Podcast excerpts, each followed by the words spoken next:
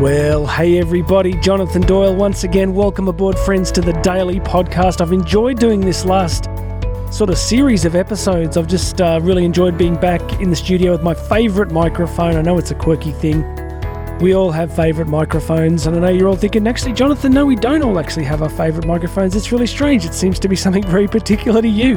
Aren't we quirky as human beings? Ever?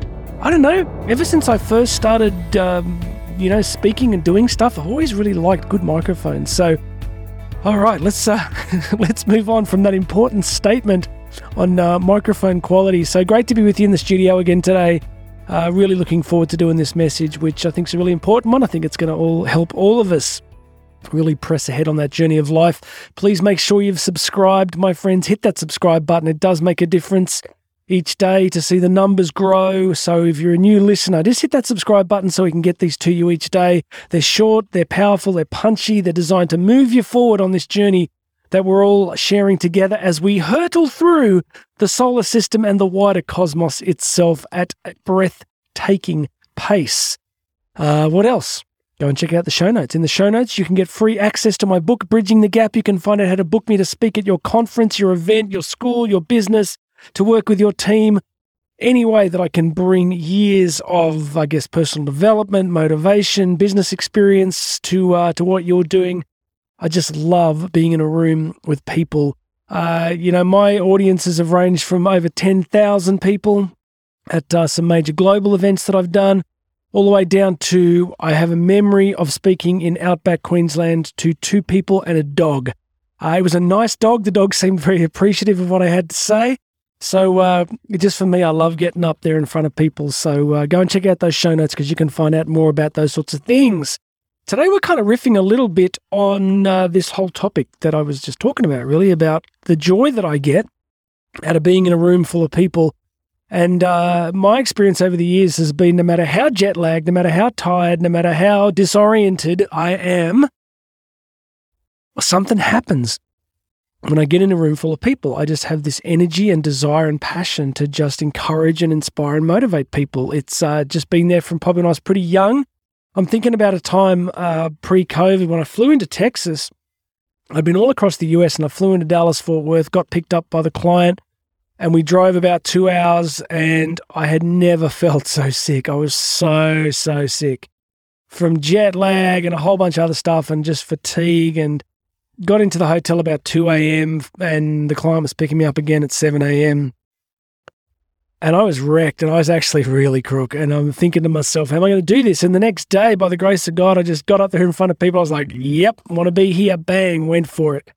So there's something that's special that comes from using our gifts in ways that reach and bless and encourage other people. So today's focus is on what I'm calling constant outward focus on people and service. Constant outward focus on people and service.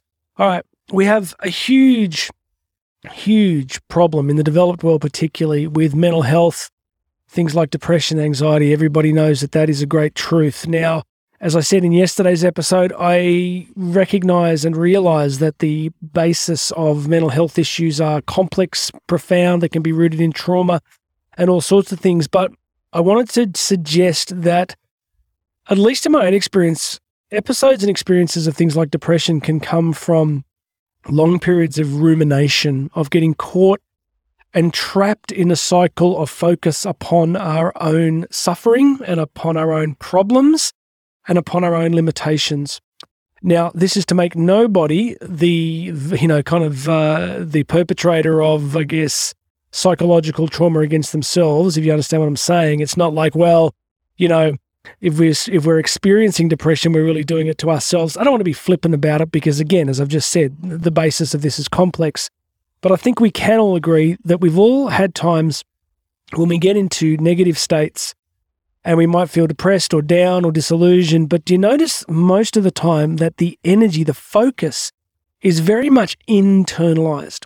We spin our wheels, we spin our cognitive wheels, don't we? we go round and round and round and we catastrophize and we think of the worst case scenario and we think that things are never going to change. I watched a brilliant lecture on um, depression a while ago, and this professor was talking about what they call attributional style, right? Attributional style is when we're experiencing negative states, we tend to attribute them to something uh, that we can't change. And we all, I think they use the terms permanent and pervasive. We believe that whatever's happening to us is permanent, that it is pervasive, which means it's going to impact all areas of our lives and well being and happiness. So, again, we see that in negative states, we tend to collapse into this unhelpful, internal, self absorbed focus.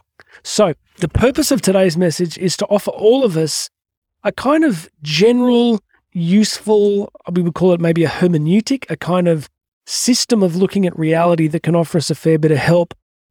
If you look at things like evolutionary psychology, how we've evolved as a species, how our cognition and our, I guess, our interface with reality has evolved as we've evolved as a species, we've gone from being an extremely social species to being an incredibly atomized species, right? So, you know, we've been Homo sapiens sapiens for about 350,000 years, give or take. For almost the entirety of that 350,000 years, we have lived in incredibly small groups of people. Uh, it's really only you would you would say, you know, definitely not so much in pre-modernity, but in modernity, we began to live in slightly larger groups, villages, towns.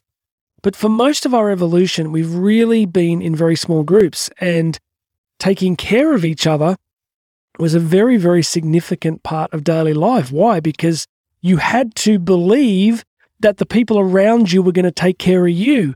And in response to that, you lived your life with a focus upon looking after the people in your life. So, this kind of um, reinforcement loop, right? Where, you know, you're going to go and work in the field or you're going to go hunting because you know that if you get sick or injured, you're going to need other people to do it.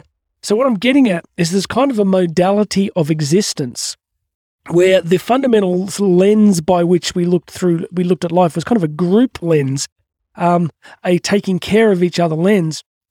And now you look at our culture and we call it atomized. It's a highly atomized culture. So there's breakdown everywhere. So there's breakdown in, you know, larger communities, there's breakdown in families, there's breakdowns all over the place.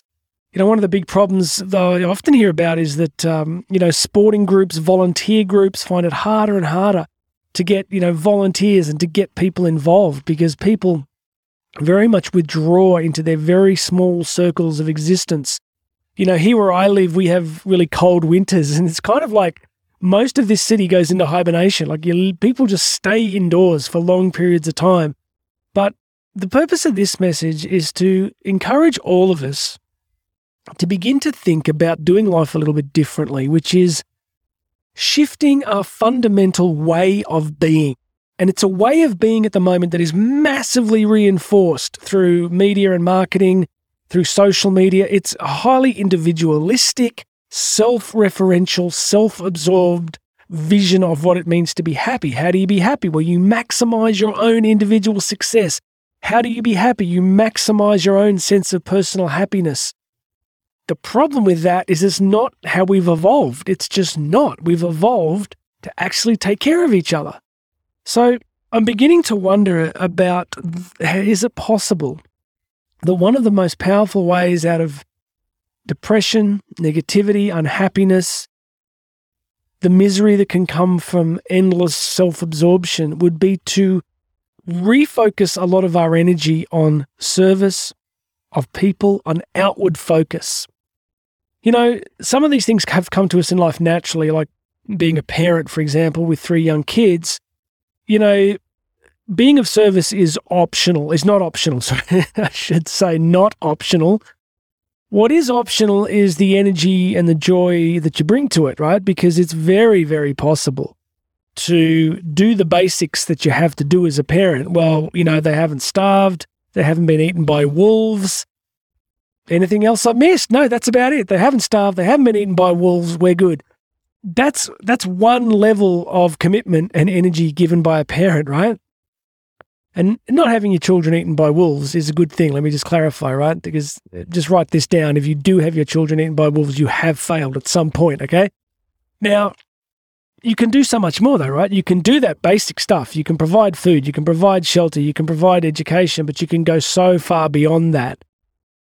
And what I found is that it doesn't make me any less exhausted. I still get tired. I still get, you know, but Karen would say, particularly in the last sort of two to three years, it's had a big effect on me that I've my, I've changed. She said, "You've you've really grown into being a husband and father. Like my my general focus in life, as it should be, right? I did a uh, episode a few episodes ago on duty, but I, I, I actually get a lot of joy out of it. I get a lot of exhaustion out of it, but I, I genuinely do. And I know some of you are listening, going, "That's not that profound, Jonathan. You're just telling us you like being a father." Well, I do. I absolutely feel incredibly honoured and blessed to be one.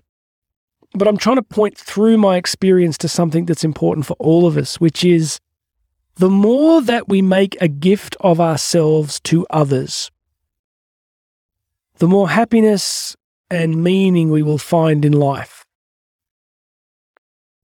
You know, I started this message today talking about the experience as a speaker. You know, like I just get on stage and I just want to help people. I just, my energy externalizes, it comes out of my own sense of internal reality, and I want to send that energy out into the room and, and bless people with it.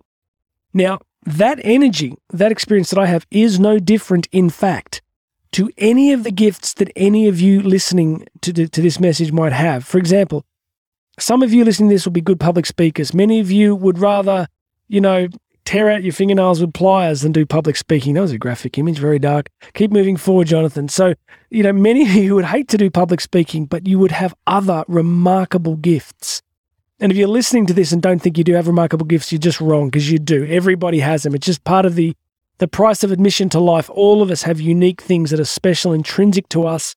But my point is, the more that you take those natural talents and externalize them out and offer them in service to others, look, look at so much of our world at the moment the news cycle it's death, it's destruction, it's fear, it's loss, it's be afraid, be afraid, be afraid you know, look after yourself, make sure you're prepared for this next terrible thing.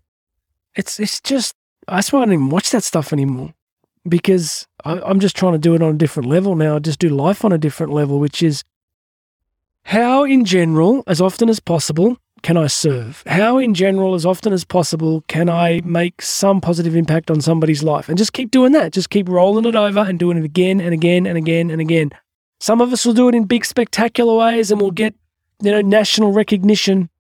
Most of us will do it in ways that are, you know, never going to be recognized more by by anyone else than the two or three people that you're really doing it for.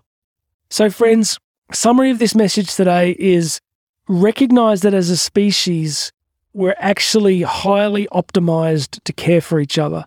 Recognize that as a species, we are living under social and cultural conditions and economic conditions and political conditions that and technological conditions, everyone's like, stop, will you stop with the conditions? But you get it. We live in this environment. We're like fish swimming in an aquarium, and all of what's surrounding us is pulling us away from that natural way that we've been created. Yes, we have darkness in us as well as light. Yes, we can be selfish. All those things are real. But I think one of the fast tracks to be happy is just to take the natural raw material of your gifting and your talent and use it as often, as widely, as consistently as possible to bless other people. So here's your homework. Within the next 24 hours of hearing this, go and do something for someone. Go and just do something outrageously kind. Okay? Just go and do something. Just serve. Just go serve. Serve in your family, serve in your school, serve in your business, serve in your street, wherever you can do anything to help somebody Go and do it and then do more of it and more of it and more of it. And it may not necessarily make you rich and it may not necessarily make you famous, but at the end of your life, you will look back and say, you know what? It wasn't that bad. I made some sort of difference. I had rich, precious relationships and I did the best I could with what I had. If you can say those sorts of things, then you have won. The graveyard is full of millionaires and billionaires, friends. The goal of life is not to be the richest person in the graveyard. The goal of life is to take your precious, beautiful gifts and help the world become a fractionally better place because you externalized them and made somebody else's life a little bit better. And now is your chance to make my life a little bit better. Would you hit subscribe, please? If you haven't already joined the podcast, hit subscribe. Go check out the show notes. There's a whole bunch of stuff in there that I'd, uh, if you want to book me to speak, if you want to get free copies to my book, if you want to get on the mailing list, it's all there. So that's it for me today, everybody. God bless you. My name's Jonathan Doyle. This has been the Daily Podcast, and I'll have another message for you tomorrow.